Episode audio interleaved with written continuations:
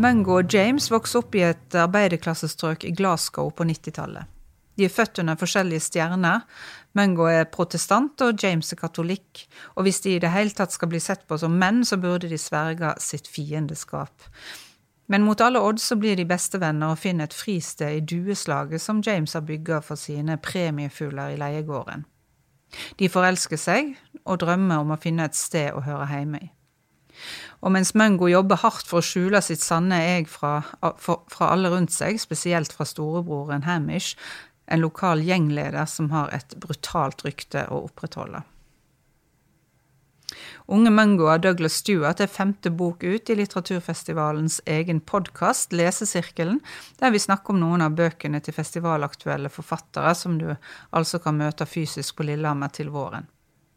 Panelet består av de eminente leserne forfatter Pedro Carmona Alvarez, professor Tone Selbo og kritiker og forfatter Kaja Skjerven Molerin. Jeg er Marit Eikemo. Jeg er programleder og kunstnerisk rådgiver for Norsk litteraturfestival. Douglas Stewart er født og oppvokst i Glasgow i Skottland, men han bor nå i New York, der han også har en karriere som designer. Shuggy Bane det er hans første roman og ble straks en stor sensasjon og solgt i en rekke land. Han, for denne så vant han eh, Booker-prisen samme år, i 2021. Unge Mungo er hans andre roman. Her er vi altså rett i arbeiderklassen i Glasgow på 90-tallet, og hva for et samfunn er dette, Tone? Ja, det er jo igjen et sterkt klassedelt samfunn. Det er en delt by, ikke bare mellom protestanter og katolikker, for de bor i områder ganske nær hverandre i denne arbeiderbydelen vi treffer her, men vi er i et Glasgow som eh, er veldig sterkt preget av nedleggelsen av de store, tunge industriene, sånn som stålindustrien f.eks. Og det ser vi veldig godt i denne romanen, at uh, nesten alle mennene er blitt arbeidsledige, og de har mistet forankringen inn i en tradisjonell maskulin arbeiderklassekultur. Og vi er altså i post Thatcher-æraen. Vi er under John Major. Eh, det er noen sånne litt humoristiske henvisninger til at ja, du tror visst Thatcher fortsatt regjerer. Men eh, alle fagforeningsstreikene som var så fremtredende under Thatcher, eh, både i England og i Skottland, de er overstått med et begredelig resultat for de tradisjonelle arbeiderklasseyrkene knyttet til industrien. Og vi ser også at det er en by som er segregert, i den forstand at at det er universitetene som kommer inn sånn i glimt etter hvert. Eh, det kommer vi sikkert tilbake til i forbindelse med eh, en flink skolejente her de tilhører en annen verden. Disse som bor i disse gatene her, har aldri vært verken på Glasgow University eller Strathclyde University, som er to forskjellige sånne campusområder i Glasgow. Og det vises også til gater med helt annen bebyggelse som de knapt har vært i. Så med en gang de er utenfor sine egne kvarterer, så er de i en fremmed verden. Uh, og vi ser det også uh, Vi ser også denne urbane kulturen veldig sterkt ved at når Young Mungo uh, og dette er jo en viktig del av handling og plott i romanen, tas med, så tas han med ut på landet, og det er ikke så fryktelig langt. Man har aldri vært ute av byen, og knapt vært ute av sitt eget strøk. Det er jo sånn, en sånn interessant dobbelthet i denne romanen at, at uh, den er skrevet av en forfatter som selv har opplevd denne tiden, og nå fått den uh, liksom, og skri, skriver en roman flere tiår i, etter, i ettertid. Uh, mens disse unge hovedpersonene de lever jo på en måte et liv hvor de erfarer veldig mange av disse tingene som, som, Tone forteller om nå, samtidig som de jo ikke overskuer at dette er konsekvenser av en politikk. Eh, at I ettertid kan man si at dette er liksom post-Thatcher-perioden, eh, en sånn i, i eller britisk historie, da. Eh, mens, mens, de overskuer jo ikke på det overordnede nivået. Og der syns jeg jo at den boken Altså, det skildrer veldig fint den dobbeltheten. At man som leser i ettertid kan forstå og se inn i de store sammenhengene, samtidig som at, at det er veldig realistisk skildret den blikkene til disse mm, karakterene, som er 15-16 år. 15-16-17 år. Mm. Det er jo en bok med en, en, ganske stor bok. Den er jo på vel 400 sider. 400 sider og og, er en, og, er en, bok som eh, som i hvert fall for meg, Det var lenge siden jeg hadde lest en sånn type fortelling som dette her. Som var en sånn brei, anlagt, eh, ganske lineær fortelling. Selv om den har Den skifter jo hele tiden mellom, mellom den, den, utflukten som eh, du, Tone, snakket om, hvor eh, Mongo har dratt da ut av byen med to eldre menn, og vi får ikke helt vite hvorfor de har gjort det i begynnelsen, men det kommer da fram etter hvert. da. Og mer med hjemlige scener hvor det da kretser om relasjonen til moren, relasjonen til søsteren og relasjonen da til denne James, som da er kjærlighetsrelasjonen i boken. Eh, veldig, veldig fine ja. portretter, syns jeg, av de menneskene. Han er veldig flink til å, til å liksom eh, vise fram både Altså dette som er bokens eh, altså det, det voldelige i boka. Eh, altså det de seksuelle overskridelsene, rusen. Alt dette som på en måte er da eh, konsekvensene av disse politikkene og, og av liksom arbeidsledigheten, krav om maskulinitet. De, det er vist fram med en stor ømhet, syns jeg, og med en stor forståelse. Det er Helt veldig godt mm. sett. Det er liksom ingen folk her som altså Selv denne Hamish, som er da eh, liksom gjenglederen og, og, en voldelig type, som både mot familien sin, men også da utad, og der vold er jo en slags valuta ikke sant, i, i denne verden her selv han på en måte blir skildret som en, som en øm figur av og til, når, når han slipper når han slipper å droppe masken og, og, blir en kjærlig bror eller en støttende bror, ikke sant? eller en, en støttende sønn. Det er jo akkurat som det er en sånn blanding av, av altså, determinisme, i den forstand at de kommer ikke utenfor disse eh, områdene. Eh, og at tanken på å skulle nettopp reise bort, eh, komme seg vekk og leve et annet type liv, er på en måte utopisk. Samtidig som at det ligger jo en form for ikke-determinisme i det at eh, disse tre søsknene, altså, altså Mungo og Hamish og søsteren Jodie, er jo veldig de kommer fra samme familie, samme opphav, men er jo utrolig skildret som veldig forskjellige mm. karakterer. Altså at man kan bli så, så, ulike, selv med de samme og forutsetningene. Her kan man virkelig snakke om personer. Altså de blir på en måte levende personer i positiv forstand, i den forstand at de Dette er en uh, sosialrealistisk fortelling, en bred, episk skildring, men Eh, eller ikke menn, og med store innslag av poesi. Altså store innslag av varme, men også fantastiske sammenligninger og språklige bilder og eh, skildringer av miljøer, og det at de er så mangfasetterte. Hamish er jo den som kommer dårligst ut, i tillegg til moren kanskje, men alle får et blikk på seg som tilsier at det finnes noe i alle mennesker som er mykt, og som er gir muligheter for endring, da. Selv om Jodie er jo den som tar vare på familien her. Eh, moren svikter jo barna sine helt fundamentalt. Hun er alkoholiker. Og en eh, hund, det er et dårlig ord her når det gjelder henne, en, en, hva heter det for noe? Hun er i hvert fall helt vill etter å få oppmerksomhet fra menn, og helt avhengig av det. Men disse tre barna de har samme far, og det gjør det veldig interessant, fordi at de er så ulike. Man kunne forstått det bedre hvis de hadde hatt ulik far, men det har de ikke. Det er jo en helt fantastisk tenker, Bare i tilknytning til det du sier nå om, om de eh, poetiske skildren, skildringene og sånn. Det er jo en helt sånn fantastisk langsomhet i noen av skildringene. Eksempel, og det merker man med en gang man åpner boken. Tenker på åpningsscenen. Mm. Som, som, som, hvor, hvor det, vi får, får, høre om uh, Mungo som blir betraktet av nettopp moren fra vinduet, som står og ser at han skal av gårde med disse to mennene, som, som, med en gang føles ganske urovekkende, for man vet ikke hvem disse mennene er. Man forstår bare at de kjenner hverandre ikke veldig godt. Uh, og hvor han skildrer at, uh, at Mungo på en måte rister vekk den ene hånden altså han, Den ene mannen holder en hånd over, altså rundt ham, som Mungo rister bort. Og bare skildringen av hvordan moren betrakter sønnen sin så å si minutt for minutt i det, det derre lille scenen som sikkert ikke kan ha tatt mer enn altså tre minutter til sammen, mm. eller altså Og hennes eh, Den rosa neglelakken som skal få henne til å se yngre ut, eh, og hennes utålmodighet som kommer ganske brått. Uh, nå er det nok, nå må du komme deg av gårde. Han som snur seg og ser opp mot Og bare det å bli betraktet gjennom et vindu, det kan vi komme tilbake til, men det er jo et sånn, en form for gjenganger i denne romanen. Og det er veldig sterkt fordi at det viser også i utgangspunktet at moren ser jo her sønnen sin. Hun leser ham faktisk korrekt. Ja. Hun vet at han føler ubehag. Han vil ikke av gårde.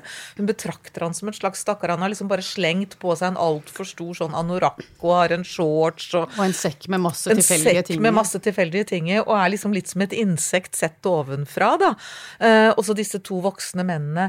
Og vi skjønner jo etter hvert også hvorfor hun er utålmodig og vil ha han vekk. For med en gang han eh, liksom har kommet seg av gårde, og hun var ikke en religiøs kvinne, står det, men da bare liksom halleluja.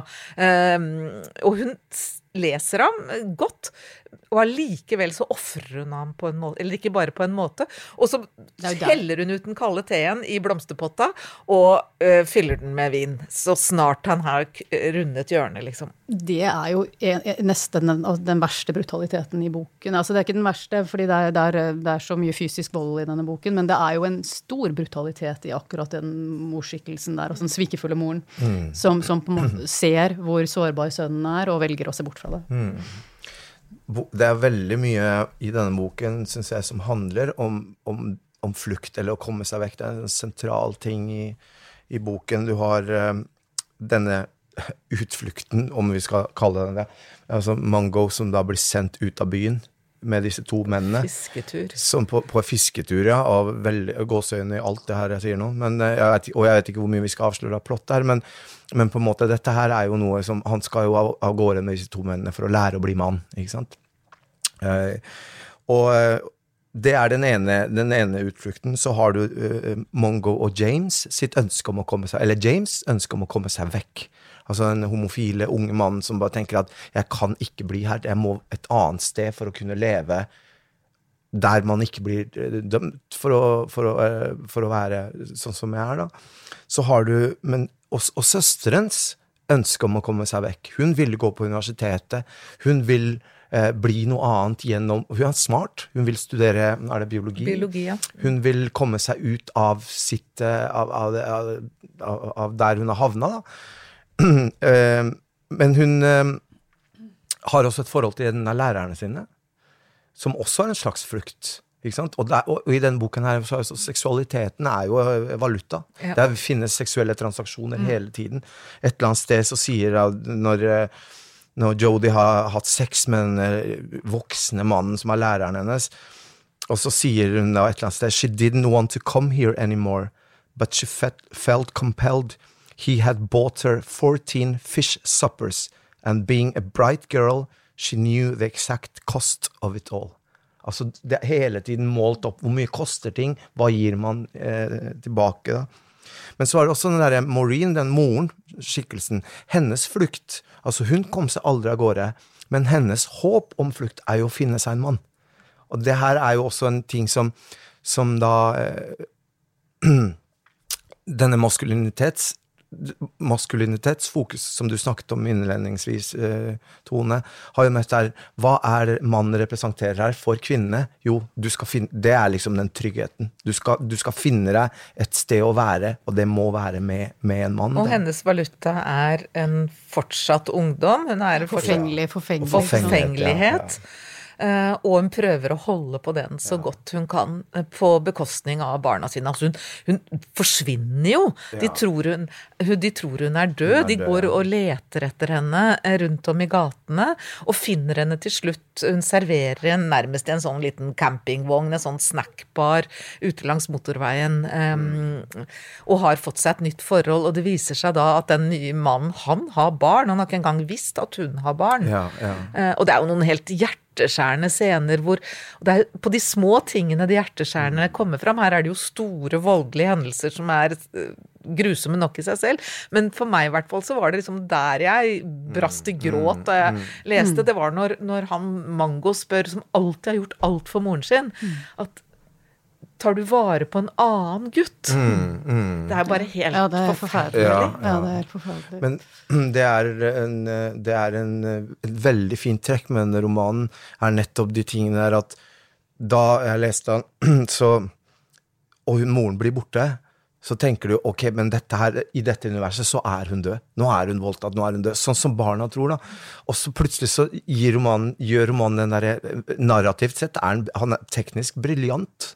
Superglatt, kan man jo også si. altså Streit bok på mange måter.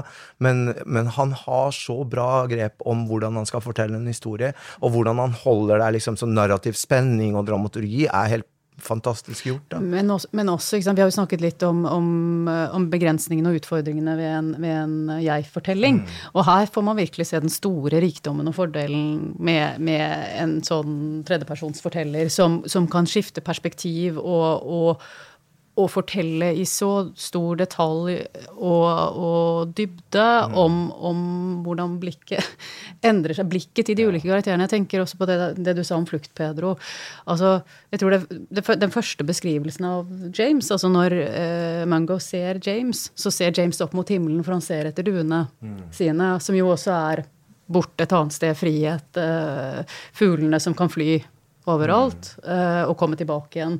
Og som har den friheten av å komme bort og samtidig vite hva hjemme mm. er, da, som er dueslaget. Men, men, i den beskrivelsen av det første møtet mellom dem, eller når Mungo først ser dem, hvis ikke jeg husker feil, da, så, så um, sier, for, sier, fortelleren at Mungo ser ingenting eh, guarded or fearful uh, about uh, James, da. ikke sant? Altså at han har noe veldig åpent og lite avstengt og, og tillitsfullt uh, ved seg, som jo veldig få av disse karakterene har. Mm. Men det er jo et, un, det er jo et unntak, det forholdet mellom de to i ja. denne romanen.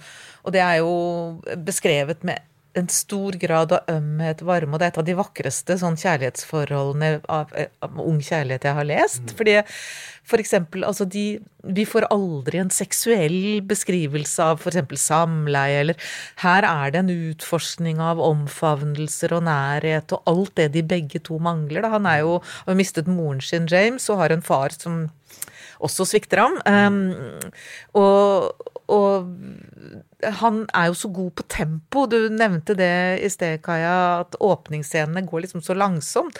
Og han er jo så god på veksling av tempo, og på å vise liksom de viktige tingene og tillate ting å ta tid. Mm. Um, slik at vi også må dvele ved uh, hendelsene på en på en måte nesten som om vi skulle vært stått ved siden av og sett på i samtid. Og, og han, det er jo en stor sånn bredde her, eh, som dere nevnte.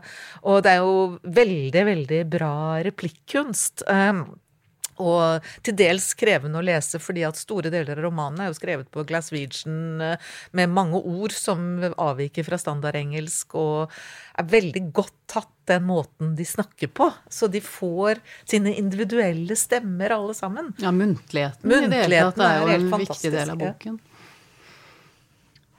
Uh, Pedro, du snakket om at var, det var lenge siden du hadde lest en så um, episk uh, bredt anlagt roman. Eh, for det man liker jo å utforske romanen, og man liker kanskje å lese eh, romaner som eh, viser nye veier for romanen. Men hva er det som gjør at at det allikevel funker så godt med den klassiske romanen? Hva er det den kan gjøre? Nei, jeg tror det er de tingene vi har snakket om.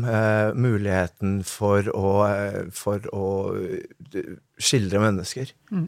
Mange mennesker samtidig. Det er mange mennesker her som er og veldig godt skildret. Vi har snakket om James, Mongo, eh, moren, søsteren Jodi.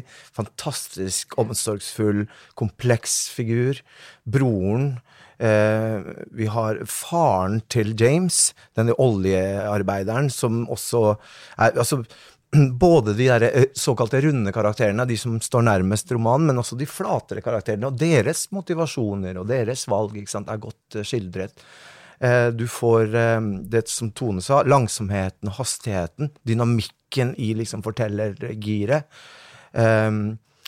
Og, og, du, og, det er jo en bok som, som dramaturg, Den dramaturgiske spenningen er så godt forvalta at du sitter jo Du blir engasjert. Altså, det er jo man, hvis du tenker altså, den, denne typen romaner, hvis man ser tilbake til liksom type en sånn tol tolstoysk romantradisjon, som er bred, lang, som tar seg god tid, det er jo den som på en måte er uh, forløperen for både Netflix-seriene våre og såpeoperaen. En del sånne ting som har der, det lange strekket. Da. Du får tid, rett og slett, til å, til å til å se ting lenge og, og, være i situasjoner lenge. Da. Sånn at når det først skjer dramatiske vendinger, og når de verdivendingene kommer i romanen, så er de så godt motivert, for du har vært der med personene hele veien.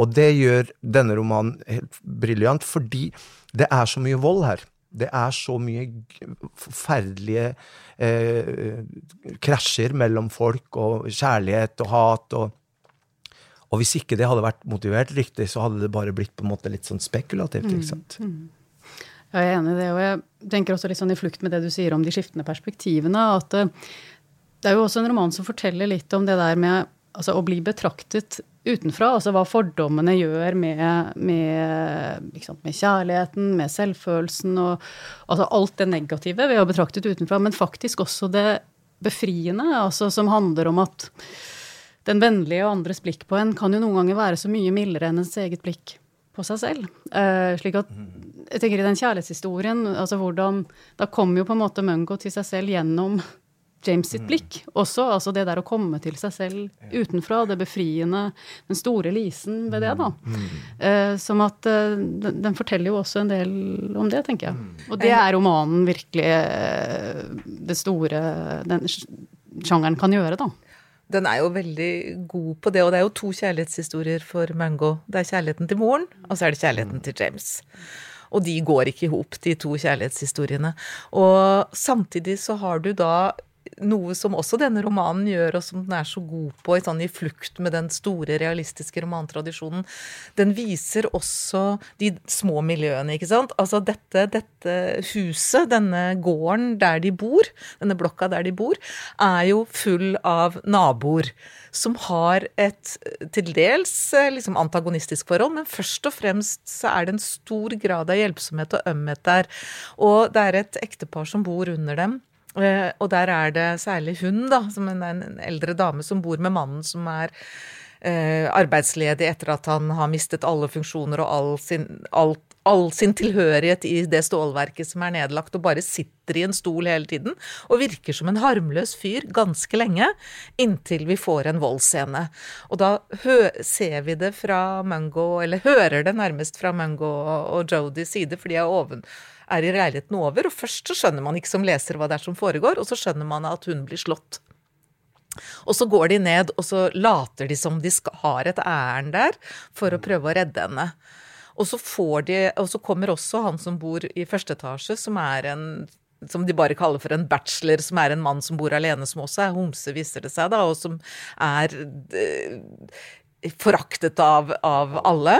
Eh, han kommer også og viser sivilt mot da, for å prøve å redde, redde, henne. Og så er hun med på vei opp trappa, og så sier de at du må liksom eh, du må, nå må du gjøre noe, sier Jodie. Du må liksom du må gå fra han, og du må liksom så å si stå opp mot han. Og så snus perspektivet igjen, og så sier hun dere av alle, jeg har kjent dere siden dere hadde bleier på dere. Mm.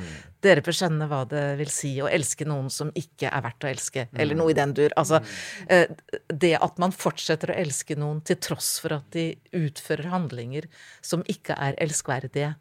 Eh, og det er en utrolig sterk scene, mm. da og, må, og, så går hun ned igjen ja. til mannen. Og den utvekslingen vi får også blant naboer og det samholdet, det er jo også en type arv fra et type fellesskapssamfunn som er i ferd med å gå i oppløsning, men som man finner restene her, mm. og som inngir håp. Absolutt.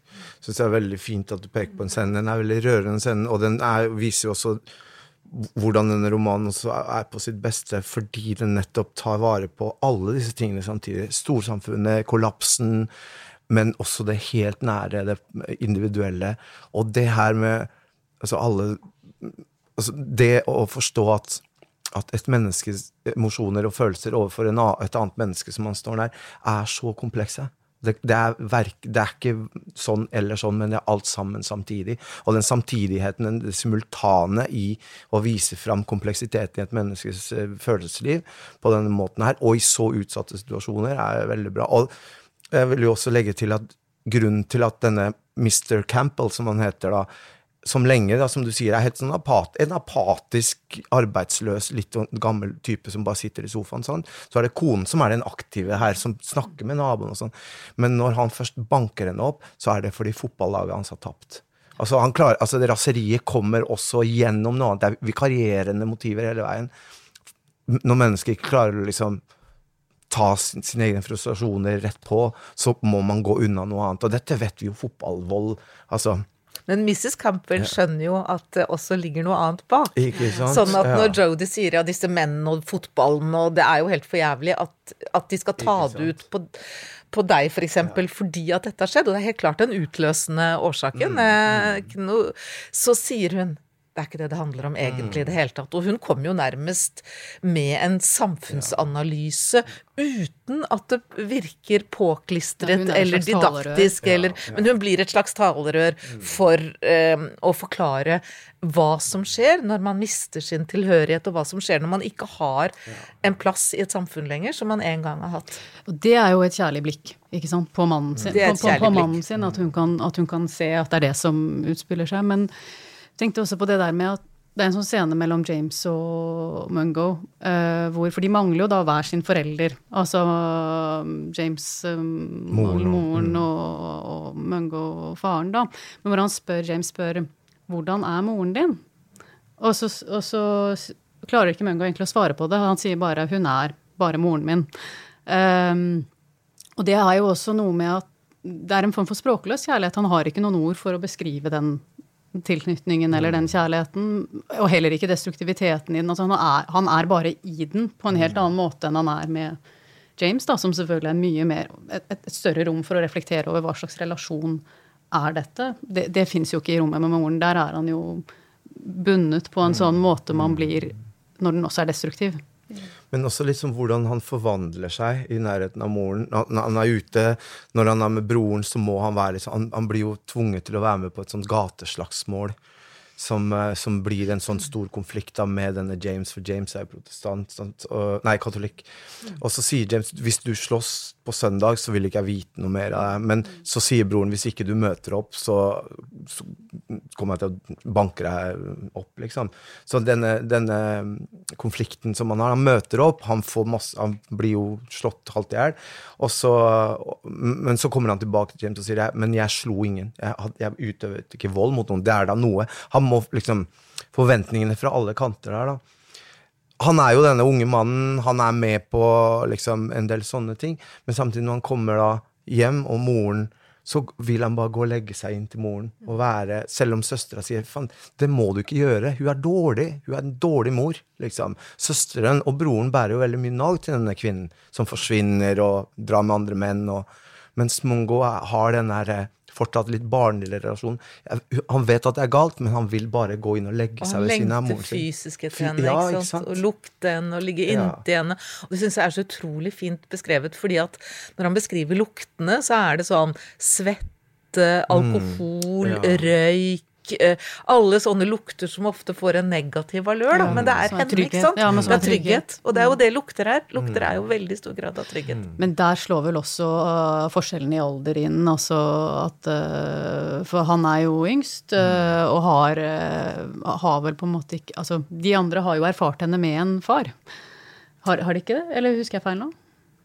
Det, altså det, er, det, var det inntrykket jeg fikk da jeg leste mm. boken. Altså at, at, de har en helt annen type Altså de, at de har også erfart henne på som litt mer velfungerende. Som gjør at de også har et, et helt annet type blikk på at hun, hun, hun, er ikke bra. Hun har blitt mm. veldig dårlig. Mm. Og hun ble jo særlig dårlig etter at faren forsvant, da. Dårlig som mor, eh, altså. Mm. Og de har jo også den derre De spalter jo henne opp ja, det er Jodie som finner på. Ja, det er jo også helt genialt. Det er veldig ja, det er fint. Altså, moren er moren, Maureen, når hun er vanlig, i gåseøynene. Og så hun da, blir hun da kalt noe annet når hun blir så full at hun bare mister det fullstendig. Og bli slem. Ja, og bli slem, liksom. Så det er jo også et behov for å liksom dissosiere og tenke sant, i det her at det, du kan ikke være den samme. Da forvandles du til, til noe monstrøst. Da, på et, Samtidig som de jo med den spaltningen vet at det er det de gjør. De vet jo at de ja, spalter ja. henne, ikke sant? men Mungo legger jo på, stabler jo på en måte bare virkeligheter oppå hverandre. Mm. I den forstand altså at noe av utfordringen for disse barna er vel nettopp å holde bildet av moren sammen. Som at hun er det, hun er det. Apropos samtidigheter. At hun er mange ting samtidig. Og det er det som er henne. Ikke det at hun er i et øyeblikk bare snill og trygg, mm. og det neste øyeblikket altså, mm.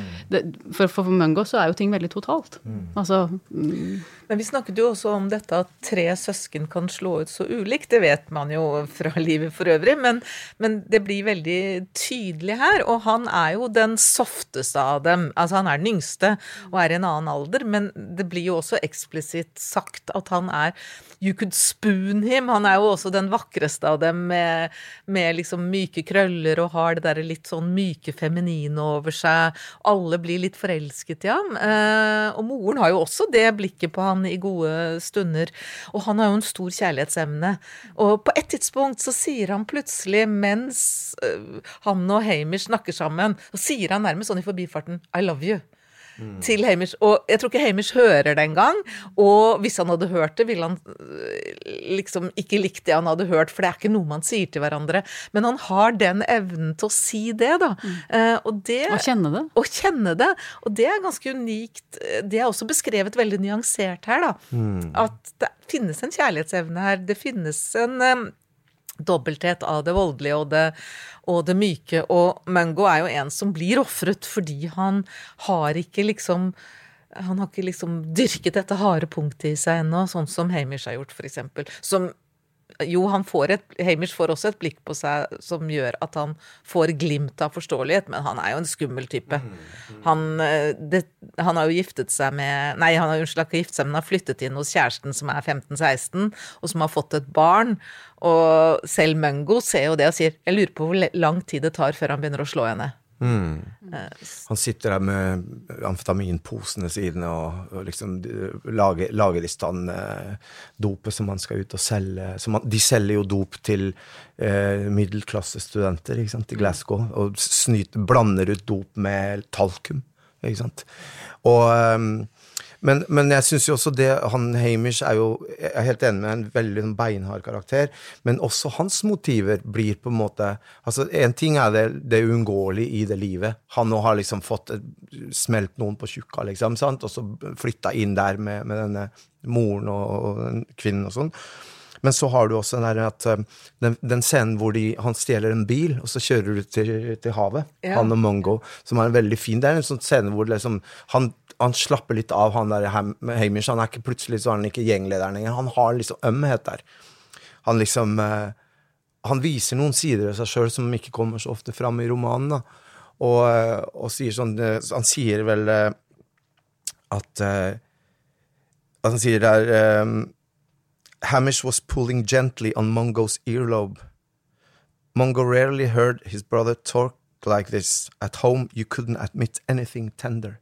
Og så sier da Hamish uh, um, I'm just hard on you because I cannot have you turning out soft or nothing.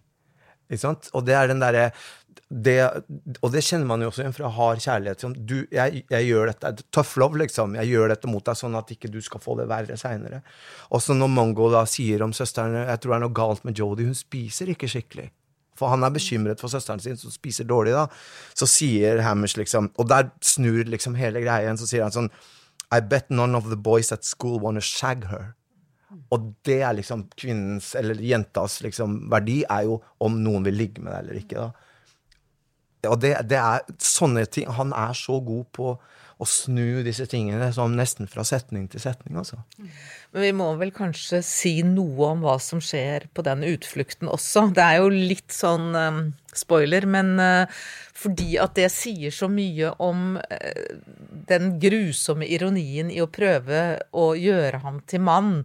Nå er det riktignok moren som sender han av gårde, det er ikke broren som gjør, men det ligger Men hun vet jo hva han sender han til. Ja, hun vet jo hva han sender han til, og det er to menn som hun har truffet på. Det er jo ganske fantastiske beskrivelser av de der AA-møtene, Anonymous, Anonymous Alcoholics-møtene, fordi at det, de kommer jo, går der hele tiden, men de fortsetter å drikke like mye også.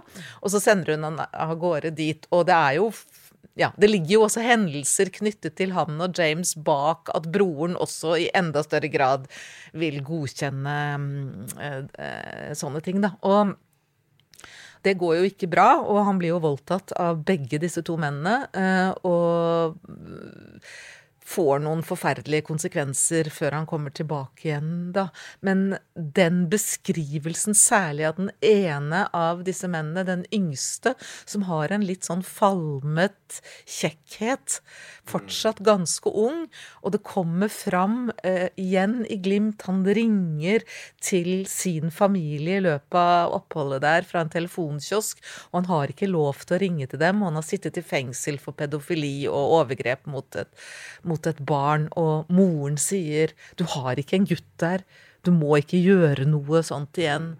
Um, og han er Og det skjønner vi ikke til å begynne med, hvor ille han er. Til å begynne med så trodde jeg at dette kanskje kom til å gå ganske bra, for de hadde en viss sånn røff sånn uh, humor og en uh, røffhet som tenkte å ja, men kanskje, kanskje dette ikke ender i det jeg fryktet, men det gjør det. Mm.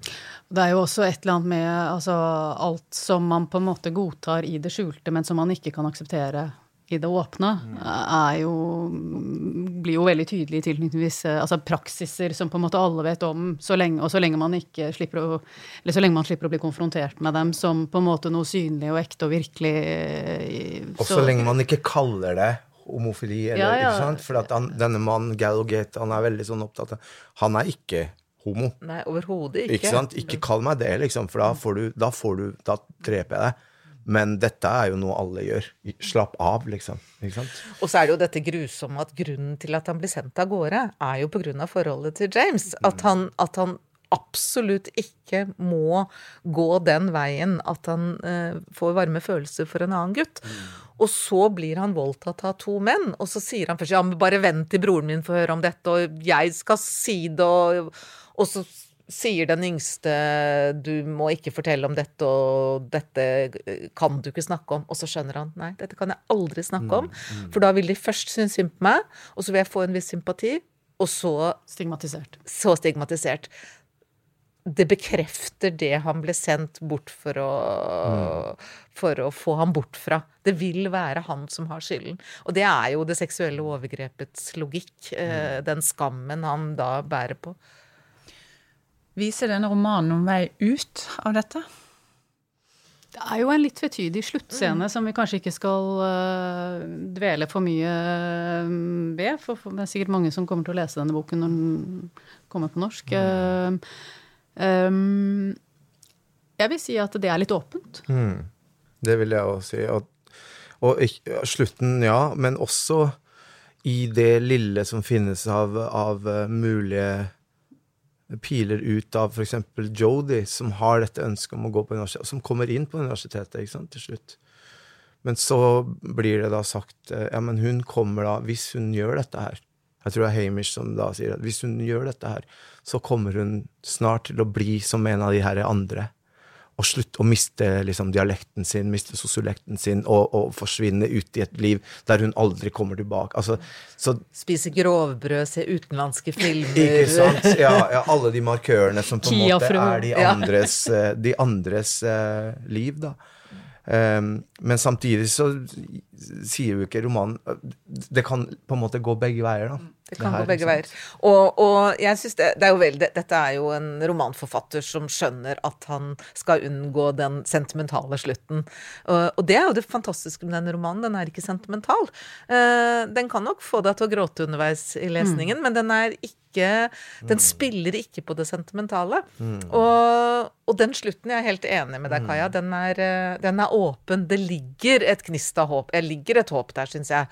Eh, Kanskje fordi jeg vil eh, Kanskje fordi jeg er litt sentimental, så jeg vil gjerne ha et, eh, et håp også. Men jeg syns det ligger et håp der i slutten. Er vi vet ikke hvilken vei det svinger når vi har lest siste side.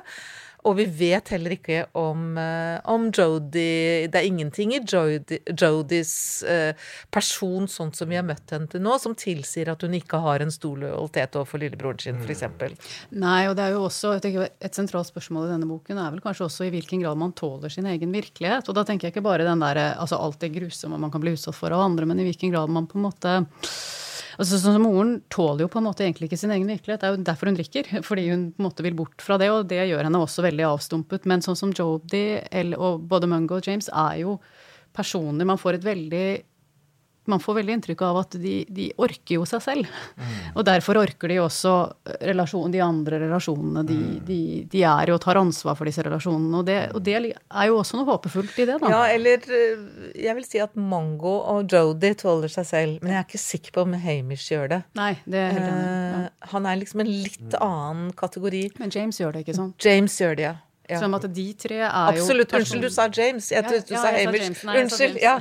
ja. Men det har jo vel også med alder å gjøre, tenker jeg. Altså, I den grad Hamish også har blitt allerede tatt Den kverna har fått for mye tak på han. ikke sant? Det har jo noe med hvor lenge orker man å være i en verden som dette her, og gjøre motstand emosjonelt og på, på noe som helst plan, før den verden bare sluker deg fullstendig. For det er vel det som også har skjedd med moren, det er det som har skjedd med den oljearbeidende faren, det er det som skjer med alle disse rundt omkring. Til, til slutt så, altså Resignasjon er bare det, det var det her vi fikk. Vi får gjøre det beste ut av det. Og så mens, en- eh, ja. mens det unge livet har ennå litt motstand i seg. Og så er én vei ut er rus, ikke sant? Ja, ja. Eh, og så er det liksom amfetamin eh, for Hamish, og det gjør at han glemmer følelser og blir avstumpa, og så er det alkohol for moren, og da skjer akkurat det at det blir et sånn, en sånn måte å mm. spalte seg ut fra, fra en eller annen form for virkelighet, eller en eller annen form for Og fra relasjoner, liksom, Ja, og Og og ansvar empati for og- andres følelser og ja, eget bidrag i situasjoner, ikke minst. Nå er denne boka ennå ikke kommet ut eh, på norsk, og heller ikke på engelsk, eh, faktisk. Så det blir eh, veldig spennende å følge eh, mottakelsen. Eh, den forrige boka, 'Skjøgg i bein', var jo en enorm eh, suksess fra det samme miljøet. Eh, og så få litt sånn assosiasjoner til eh, Ferrante, kanskje? Kan dette være en slags eh, Ferrante for Glasgow? Altså, Ferrante er jo i større grad en historisk roman, hvor den følger liksom generasjoner. Eh, så jeg vet ikke. Jeg ser den veldig i forlengelsen av den store fortellertradisjonen, store 1800-tallsromanen. Du nevnte Tolstoy, man kunne nevne Dickens f.eks. Eh, og særlig Dickens' fremstilling av det utsatte barnet, som vi jo finner i så mange Og særlig den lille gutten, som vi finner i så mange mm, av hans romaner. Så han Jeg syns Douglas Stewart er en eh, en, en utrolig flott representant for en fortellertradisjon og en romantradisjon, som du var inne på, Pedro, som, som man ofte har liksom sett litt ned på som litt Ja, sånn lettbeint og absolutt. tradisjonell og konvensjonell og sånn, og så fornyer han den eh, og gjør noe veldig, veldig fint med den. Så Ja, og George Eliot, eh, som du, Tone, også har vært eh, opptatt av, er vel en forfatter man også kan nevne i denne sammenhengen. Altså den der eh, evnen til å skildre små, altså miljøer, eh, som man finner i romaner som Middlemarch og altså det er jo 1800-tallsromanen i, i britisk sammenheng er jo helt fantastisk. Ja, og evnen til å snu perspektivet, ikke sant. Ikke Som minst, både ja. Dickens gjør, George Elliot gjør, minner oss hele tiden på vi tror vi liksom kjenner noen, og dette er en dårlig person, eller dette er en god person, og så er det sånn Husk, han eller hun har også et indre det er verdt å lytte til. Her er det også et menneske som har noen av de samme følelsene som deg. Altså romanformens muligheter for å forestille seg andre liv og andre bevisstheter og andre måter å tenke på. Og her får vi jo i tillegg eh, samtidshistorie. Jeg tenker alltid på, jeg sikkert siterte før her, men Balzacs berømte formulering om at han ønsker å skrive den historien som historikerne har forsømt. Altså ikke den store historien, liksom generalenes historie, men historien så å si sett fra bakkeplan og eh, enkelt Altså, det er jo romanformens store forse. Du kan se, liksom, hente fram enkeltmennesket. Og gjøre det som bare romanen kan gjøre, da. Og der har du jo også Ali Smith i forlengelsen av den Absolutt. tradisjonen, men i en helt annen form. Absolutt. Da Mer fragmentarisk og kollasjeaktig form, men det er likevel egentlig den tradisjonen hun poder seg på. Det er det, og det snakket vi jo faktisk litt om når det gjaldt Ali Smith. Og selv om hun skriver i en annen form, så er det det hun tar vare på også, og bruker romanformen til å utforske. Og med dette takker lesesirkelen for denne gang. Les dere gjerne opp til festivalen sammen med oss. Neste podkast blir live på Litteraturfestivalen tirsdag 31. mai. Og da snakker vi om nobelprisvinner Abdul Razak Gurna sin siste roman 'Etterliv'. Se fullstendig leseliste på litteraturfestival.no.